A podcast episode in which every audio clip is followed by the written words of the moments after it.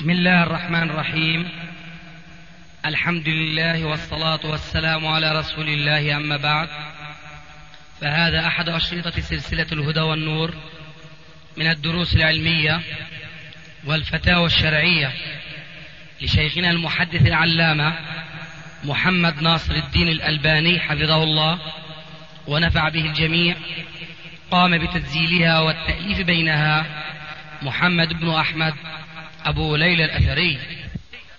إخوة الإيمان والآن مع الشريط الثالث والخمسين بعد المئة الثامنة على واحد. لقاء الأخ الفاضل مساعد الراشد مع شيخنا العلامة محمد ناصر الدين الألباني حفظه الله تحت عنوان الحديث الحسن والراوي المجهول. تم تسجيل هذا المجلس في العاشر من محرم 1417 هجري. الموافق السابع والعشرين من الشهر الخامس 1996 ميلادي. خلاص بسم الله الرحمن الرحيم. شيخ ما أدري ماذا رأيكم في الحديث آه الضعيف المنجبر؟ آه إذا كان له طريقان إلا أن اللفظين أو المتنين أحدهما عام والآخر خاص أيهما يقوي الآخر؟ الذي معناه أوسع وأشمل وأكثر يقوي الآخر الذي معناه أقل ولا عكس. نعم. يعني نقول العام أو المطلق هو الذي يقوي ما دونه. نعم. اللفظ الثاني. ولا ولا آه، نقوي آه، يعني أحدهما بالآخر أيه. يقوى أحدهما بالآخر لا نقوي أيه؟ أحدهما بالآخر لكن نقوي الذي هو أقل معنى ودلالة نعم. نعم. من الآخر نعم احسن ولا عكس نعم شيخ بالنسبة للحديث آه، الحسن لغيره هل يعني الحسن لغيره له ولنفرض مثلا حديث ضعيف منجبر له طريقان فصار حسنا لغيره. هل نقيد به المتواتر أو الصحيح المشهور أو الصحيح العزيز أو نحو ذلك ونخصصه؟ هذا هو الذي جرى الحديث في الأمس القريب في بيت الأخ أبو معاذ حينما نقلنا كلام الحافظ ابن حجر العسقلاني ونحن نتحدث عن حديث لا تصوموا يوم السبت إلا فيما افترض عليكم. فذكرنا أنه لا يجوز رد الحديث لمخالفته لحديث آخر إلا بعد إعمال وجوه التوفيق الكثيرة.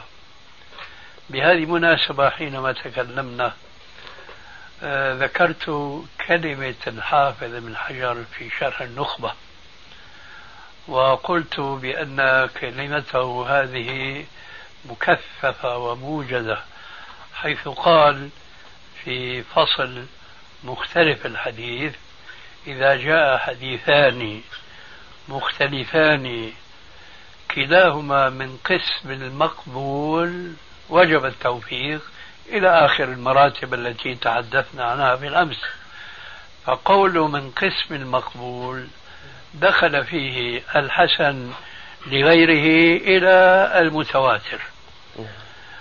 فإذا كان هناك حديث مثلا آه، متواتر أو صحيح مشهور وكان مقيدا أو كان عاما وجاء حديث من قسم مقبول دون ذاك في الصحة سلط على ذاك وقيد أو خصص به.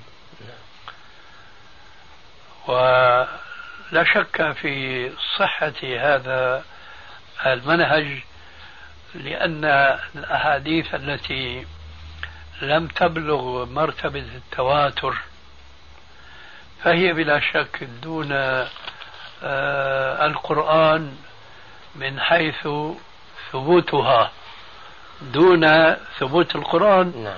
لما هو معلوم أن القرآن متواتر وأن غير الأحاديث المتواترة ليست كذلك ومع ذلك فلا خلاف بين أهل السنة في جواز تقييد مطلق القرآن وتخصيص مطلق القرآن بالحديث الصحيح بل وبالحسن فأولى ثم أولى ثم أولى آه، تقييد أو تخصيص الحديث مهما كانت آه، صحته أقوى من صحة الحديث الذي هو دونه. أي ولو كان في مرتبة أدنى مراتب القبول وهو الحديث الحسن لغيره. نعم. أحسنتم. طيب ما أدري ماذا هو رأيكم في قول الحافظ في النكت تبعا لأبي الحسن بن القطان في الحديث الحسن لغيره أنه ليس مدرجا في ما قالوا فيه أن الحديث الحسن كالصحيح في الاحتجاج يقول الذي لغيره من الحسن لا يندرج في هذا الحكم. و... هذا كنت قرأته نعم. في نكته المذكورة لكن الحقيقة رأيته غريبا. جدا عن آه، الناحية العملية التي يجري عليها الحافظ نفسه فضلا عن غيره. هذا من جهة. من جهة أخرى لا يخفاكم أن الحديث الصحيح لذاته هو يفيد غلبة الظن. ومن أجل ذلك وجد في بعض الفرق من ادعى بأن الحديث الصحيح آه، لا يؤخذ به في المسائل العلمية وإنما فقط في المسائل العملية. هذا التعبير الذي جرى عليه الإمام ابن القيم رحمه الله. وفي التعبير الآخر أنه لا يؤخذ بالحديث الصحيح في العقائد. هذا مشهور جدا عند المتأخرين وقد تبناه حزب التحرير في هذا الزمان ولذلك رفضوا كثيرا من العقائد التي تلقاها المسلمون بالقبول بدعوى أنه ليس متواترا وبدعوى أن حديث الصحيح لا يفيد إلا الظن وقد يغالي بعضهم ويستدل على ما ذهب إليه آه، بقوله تعالى إن الظن لا يغني من الحق شيئا. فما دام أن الحديث الصحيح لا يفيد إلا الظن إذا لا يجوز الأخذ به. وهذا في الواقع من جهلهم أو غفلتهم لأن العلماء الذين يقولون في الحديث الصحيح أنه يفيد الظن وهنا الشاهد من إيراد هذه المسألة إنما يقولون يفيد الظن الراجح الغالب. وأكثر الأحكام الشرعية كما لا يخفى على أهل العلم وطلاب العلم قائمة على غلبة الظن. فإذا كان الحديث الصحيح لا يفيد اليقين وإنما يفيد غلبة الظن. حينئذ نحن نقول الحديث الحسن لذاته لماذا أعملوه وعاملوه معاملتهم للحديث الصحيح؟ لأنه يشترك معه في إيجاد غلبة الظن في نفس من وقف على حسن ذلك الحديث. لكن غلبة الظن درجات. المهم أن يتجاوز مرتبة الشك وهو كما تعلمون التردد بين هذا وهذا. فقد تكون درجة غلبة الظن مثلا بالمية تسعين. وقد تكون دون ذلك بالمية ثمانية وأنت نازل. فإذا جاوز الخمسين دخل في غلبة الظن. ولذلك أعمل الحديث الحسن لذاته معاملتهم للحديث الصحيح. حين ذاك نحن نقول؟ الحديث الحسن لغيره الذي أفاد آه، غلبة الظن ولو بأي نسبة مع أنني أذكرك بما كان جرى في الأمس القريب بيني وبينك بأن الحديث الضعيف قد يصير صحيحا لغيره بل وقد يصير متواترا لكثرة طرقه. ما هو السبب؟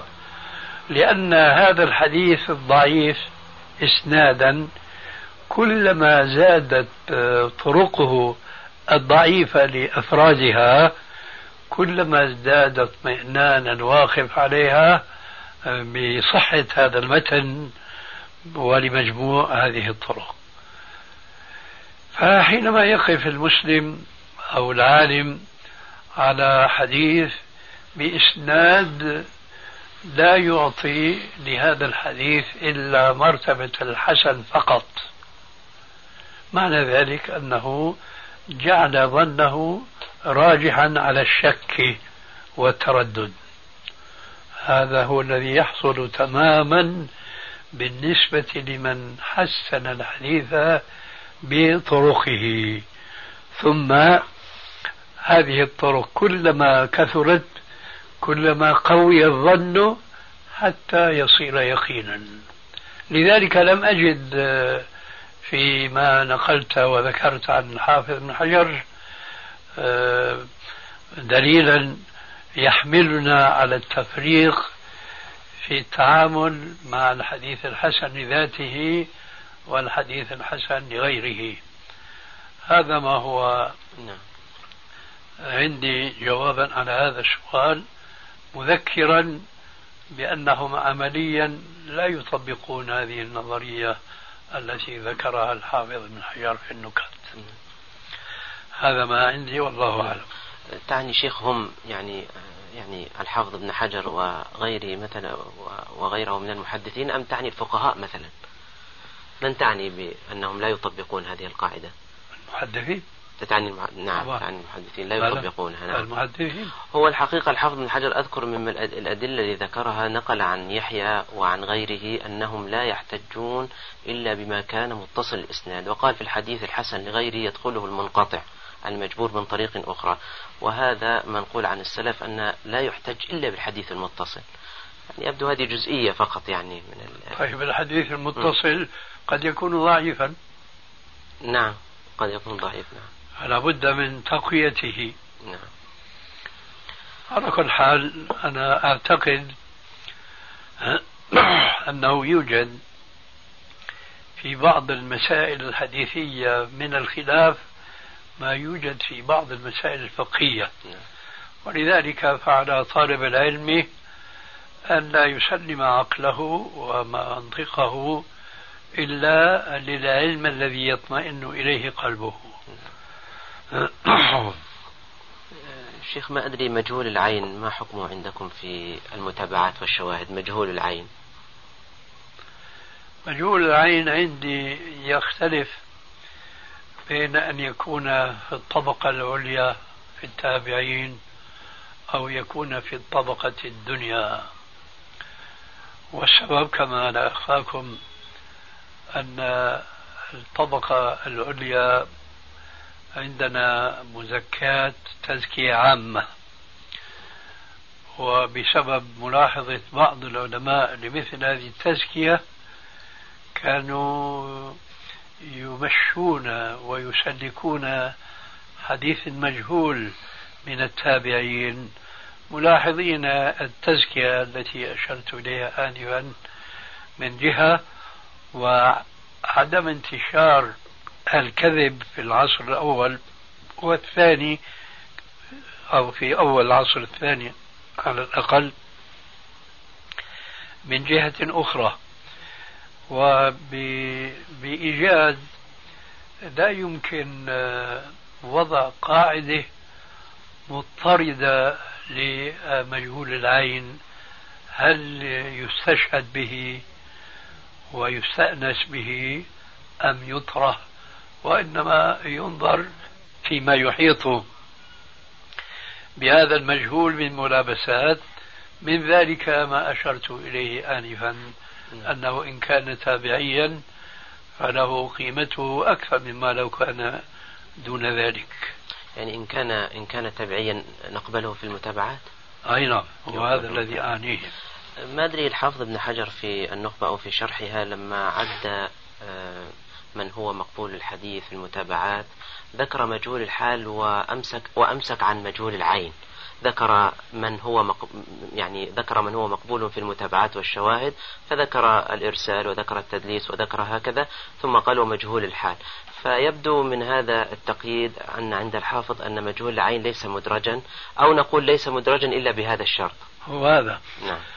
لكن أنا ألفت النظر بهذه المناسبة قد وجدت الحافظ ابن حجر في عشرات المقبولين عنده وقد ذكرت في بعض تعليقاتي أنه على قاعدته ينبغي أن يقول إنه مجهول لأن المجهول عنده هو الذي لم يعرف إلا برواية واحد نعم. فكم وكم في كتابه التقريب من الرواة لم يروي هو لم يذكر راويا لهم في أصل التقريب الذي هو تهذيب إلا راويا واحدا ومع ذلك قال فيه نعم. مقبول نعم. قال فيه مقبول نعم. آه، ألاحظ أنه أحيانا قد يقول ذلك في التابعين نعم. وأحيانا قد يكون سبق كلام أو سهو نعم. ذهن أو ما شابه ذلك الله أعلم أن الأمر كما قلت نعم. آنفا نعم.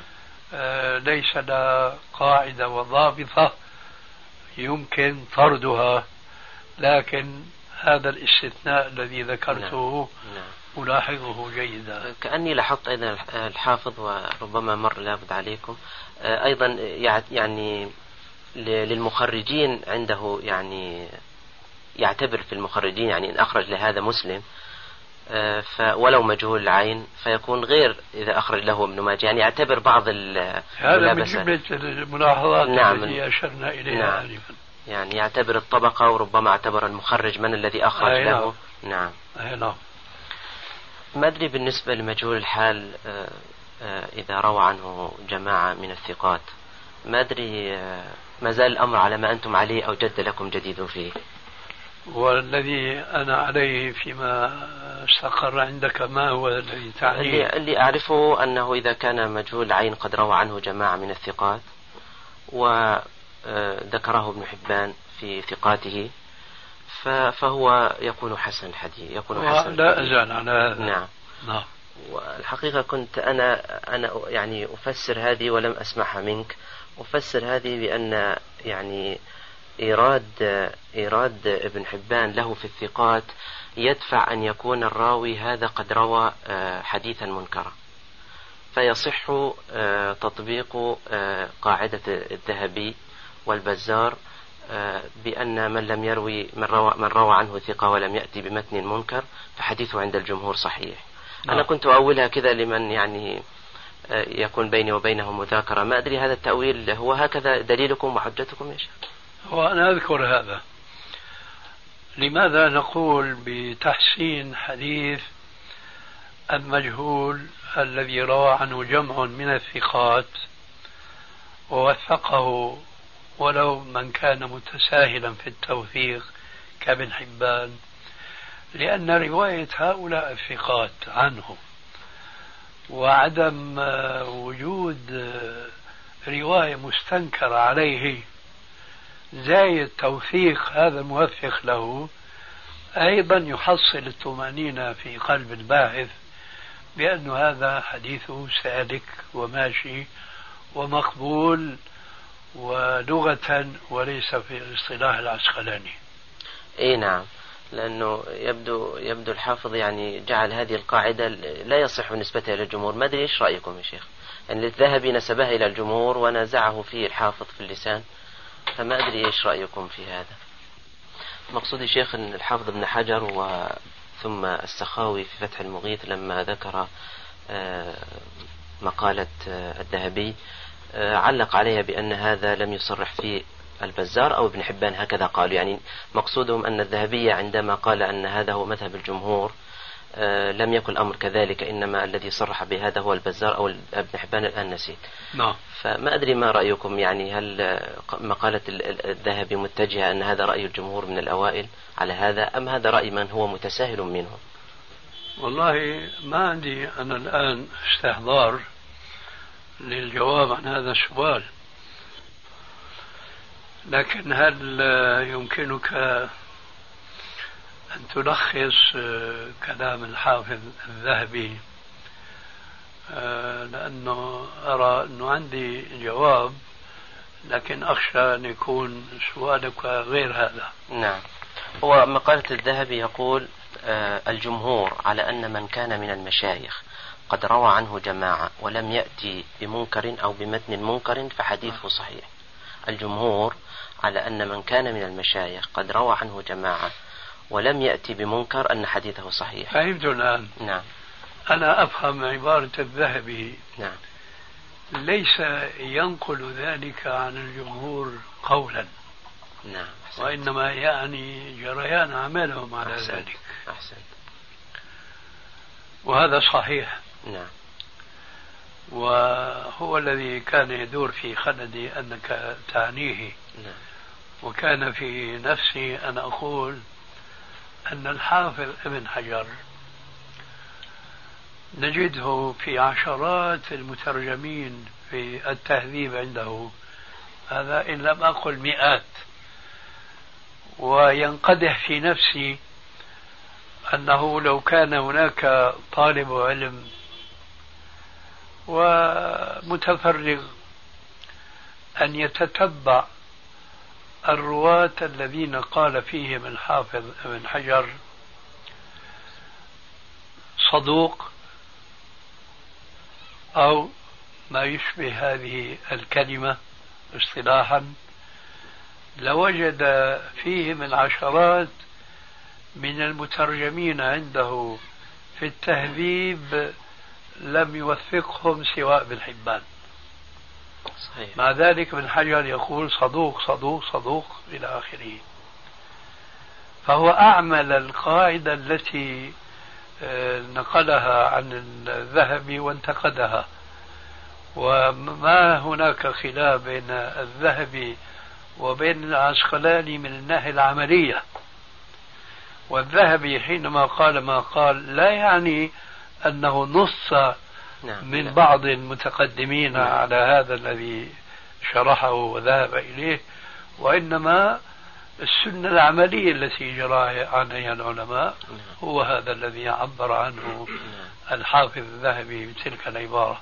والحافظ ابن حجر نفسه سلك مسلكه في عشرات المترجمين الذين يصدق عليهم قول الحافظ الذهبي ووافقه أيضا العسقلاني في هؤلاء العشرات إن لم أقل المئات. الحافظ الذهبي نفسه وقع في نفس المشكلة التي فيها الحافظ العسقلاني. أعني ما التزموا هذا المنهج كلاهما؟ أنا أجد الذهبي في كتابه الكاشف بصورة خاصة يوثق كثيرا ممن لم يوثقهم إلا ابن حبان وفي الغالب يكون الرواة عن هذا الموثق كثيرين. كذلك كما قلت آنفا عن الحافظ العسقلاني لكن يغلب عليه أن يقول صدوق. لكن كلاهما في تراجم أخرى ما التزموا هذا الخط. يعني هذا أنها مسألة اجتهادية. نعم. وليست هناك قاعدة مضبوطة يمكن طردها. هذا جوابي أيضا عن مسألة جزاك الله خيرا. تفضل يا أخ مساعد حتى ما نعم. الشيخ بالنسبة ما رأيكم في شرط مسلم الذي شرحه في مقدمة صحيحه حول الحديث المعنعن؟ ومن عنا بالرد هل عنا علي بن المديني أم عنا البخاري؟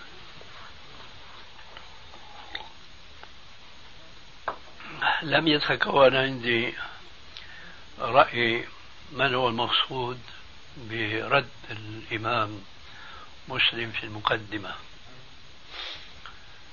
آه، لكن المشهور أن المقصود هو زميله إن لم نقل شيخه البخاري. لكن الشدة التي في كلامه آه، تحول بيننا وبين الجزم بأنه يعنيه بالذات لأننا نعلم أن القدامى كانوا متأدبين جدا مع شيوخهم من ذوي الفضل عليهم. ولعله من المستحسن أن أذكر لك شيئا قد يكون جديدا في الموضوع. وقد كتبت هذا في بعض كتاباتي الحديثة. وهي أن البخاري في هذه المسألة له مذهبان. الأول وهو المشهور عنه باشتراطه التلاقي. والآخر أنه يكتفي بالمعاصرة.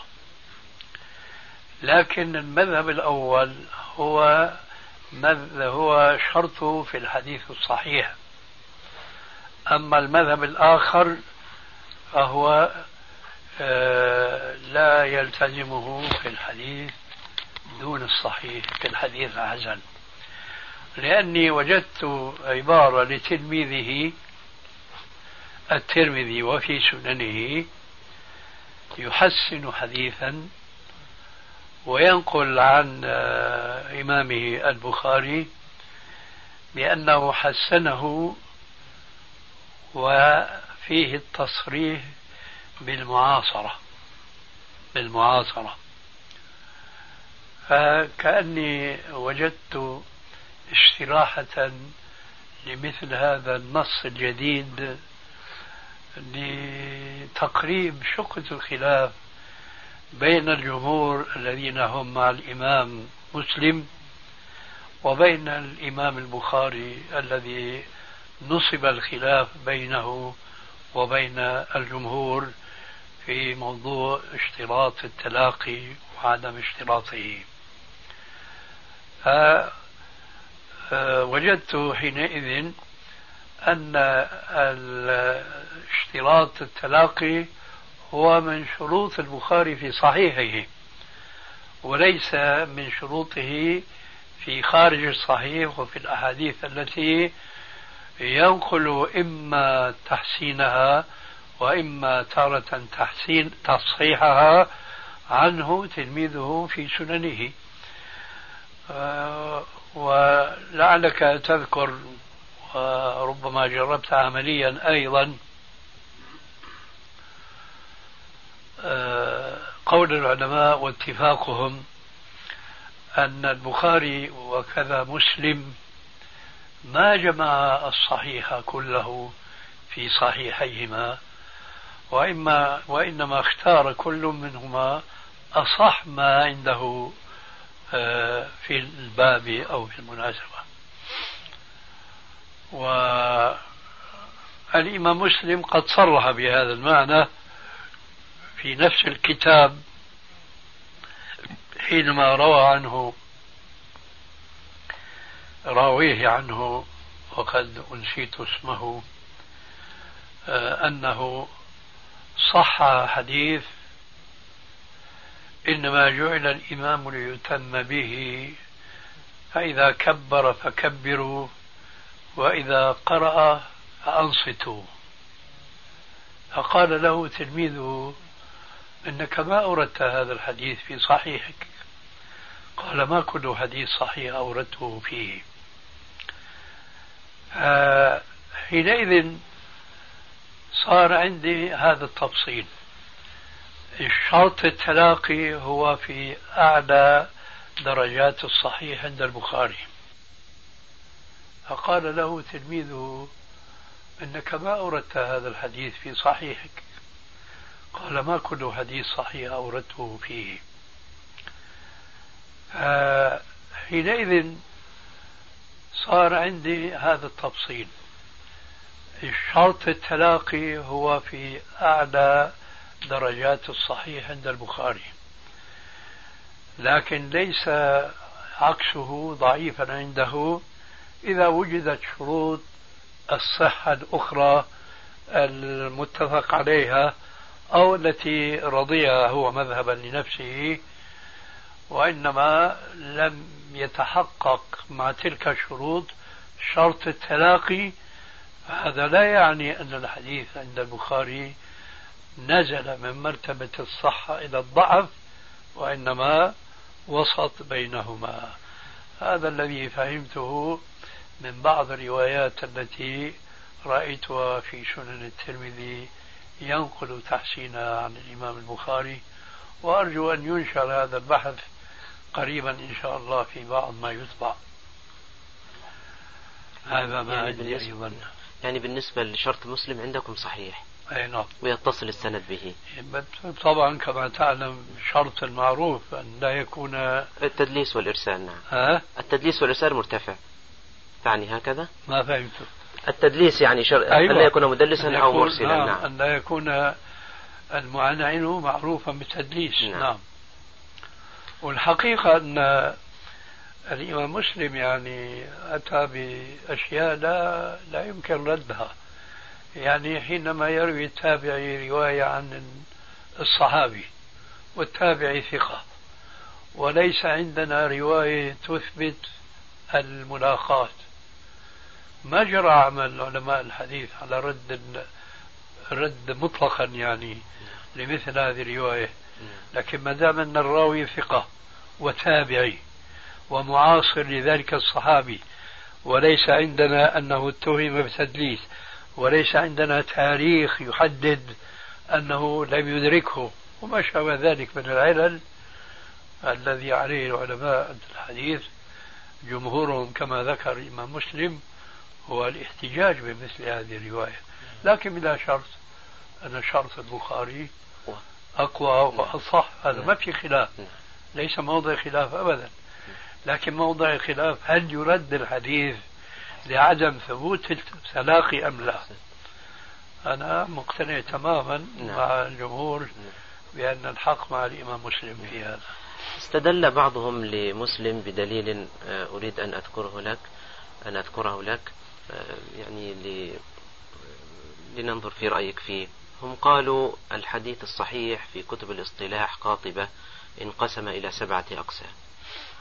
فأعلى ما أخرجه البخاري البخاري ومسلم ويليه ما أخرجه البخاري وحده. وهكذا هكذا إلى أن قال والسابع ما كان صحيحا عند غيرهما ولم ولم يعني يخرجه واحد منهما.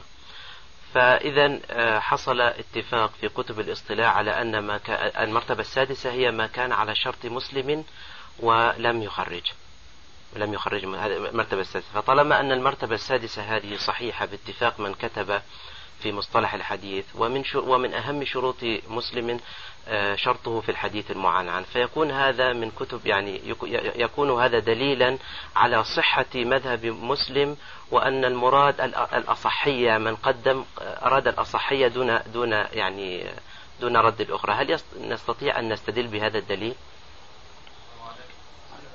عليكم السلام ورحمة الله وبركاته. نعم. أعيد عليك شيخ. ممكن هذا أن يضاف إلى أدلة كثيرة. ما أدري تأملت كلامي يا شيخ؟ بلى. نعم. آه، لكن هم يعني ما أدري هو في كتب المصطلح المراد آه، آه، ما كان على شرط مسلم. هل العنعنة تعد من شرط مسلم أم من شرط يعني يعني هل تعد من شرط مسلم؟ أم شرط مسلم هو الرجال هم الرجال و لا مشاهدة في الاصطلاح وفي التعبير. نعم. يعني هو من شرط مسلم أي في التساهل يعني في عموم الأشياء. في قبوله. نعم. في قبول العنعنة نعم. من غير مدلس هذا شرط مسلم. يعني مقصود كتب المصطلح لما قالت ما كان على شرط مسلم ولم يخرج المرتبة السادسة هل أرادوا الشرطية التي تشرح في مكان آخر من كتب المصطلح والتي هي المراد بها أن يكون الرجال هم الرجال؟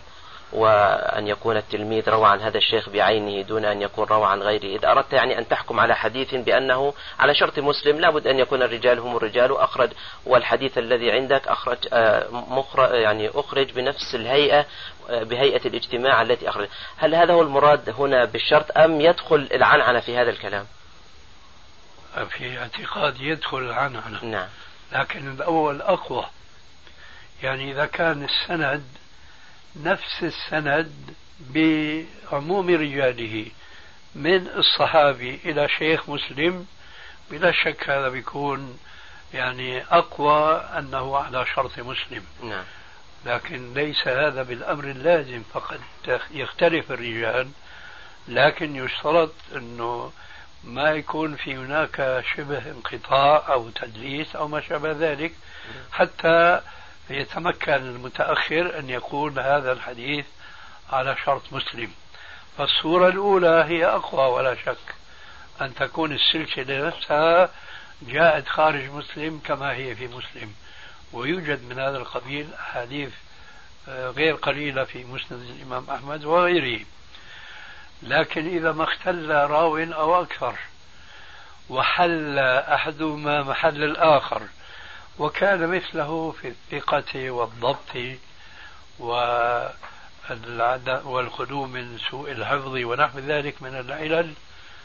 آه، أنا أرى جواز إطلاق أنه على شرط مسلم وعلى هذا جرى كما تعلم الحاكم وغير الحاكم حينما يقولون هذا حديث على شرط مسلم لا يلتزمون الصورة الأولى أبدا. وكذلك الحافظ الذهبي والحافظ العسقلاني حينما يقولون أنه وافق الذهبي الحاكم على تصحيح على شرط مسلم. ولعلك تذكر أنهم بهذه المناسبة يتساهلون في التعبير آه، حينما يكون مثلا الحديث في سنده محمد بن إسحاق المدني صاحب السيرة أو في شريك بن عبد الله القاضي الحاكم يقول صحيح على شرط مسلم. هذا لوحظ بأنه فيه تسامح وتساهل في التعبير. ذلك لأنه لا يكون دقيقا قوله على شرط مسلم إلا لو كان أحد الرجلين اللذين سميتهما آنفا قد قرن به آخر لأن هذا شرط مسلم. فمسلم لم يحتج بابن إسحاق ولم يحتج بالقاضي. وإنما روى لهما مقرونا بغيرهما. فإذا لم يكن آه، في الرواة الذين يقال إن إسناده على شرط مسلم مثل هذا أو ذاك وإنما احتج به مسلم على انفراده فلا مانع حين ذاك أن يقال إنه صحيح على شرط مسلم. ولو كانت الهيئة التسلسل اختلفت في بعض الطبقات عما هو في صحيح مسلم في بعض الأحاديث. يعني شيخ مقصود يعني أنت هل ترى أنه لا يشترط أن يكون الرجل هو الرجل في الشرطية عند البخاري ومسلم؟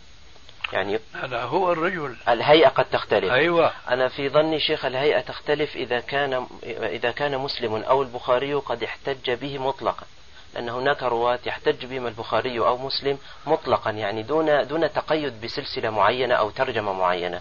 وهناك آه، رواة يحتج يعني يحتج البخاري أو مسلم بهما بهيئة الاجتماع. فيصح في الأولى أظن دون الثانية. أليس كذلك؟ لا من أين لنا أنه يحتج به مطلقا؟ يعني نحن عم نأخذ من دراسة الصحيحين فنقول فلان من رجال البخاري. نعم.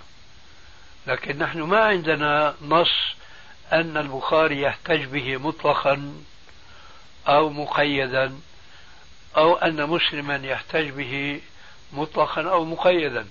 إنما نحن من سبرنا لرجال البخاري ومسلم ووجودنا احتجاجهم بأمثال هؤلاء. نقول نحن نحتج أيضا بهم. فإذا كان سلسلة السند كلهم من هذا الوزن عند الشيخين أو أحدهما.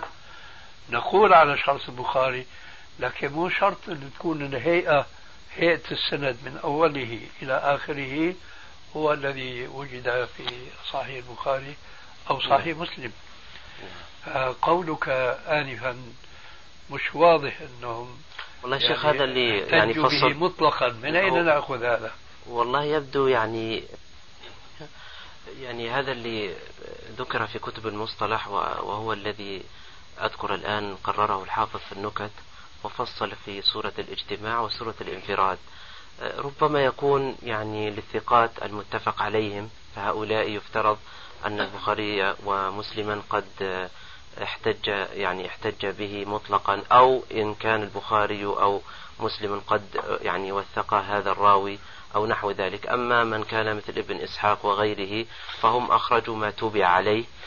فمن هذا الوجه يعني ما أدري. هذا الذي ذكر يعني. يوثق البخاري الرجل ولا يخرج له. إيه لا ما في. أنا نعم. بس توثيقه المطلق يعني أنه مطلق في ذهنك هذا؟ لا في ذهني نعم. لكن أه. أنا مقصودي توثيقه المطلق الذي هو دون تقييد يدل على الاحتجاج المطلق الذي هو دون تقييد. يعني إذا وثق الرجل ولم يقيده في في في الشاميين أو في في في كذا أو في كذا هذا التقييد إذا وثقوا مطلقا يكون محتجا به مطلقا عنده.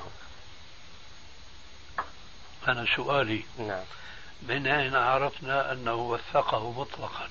أمن داخل الصحيح أم من خارج الصحيح؟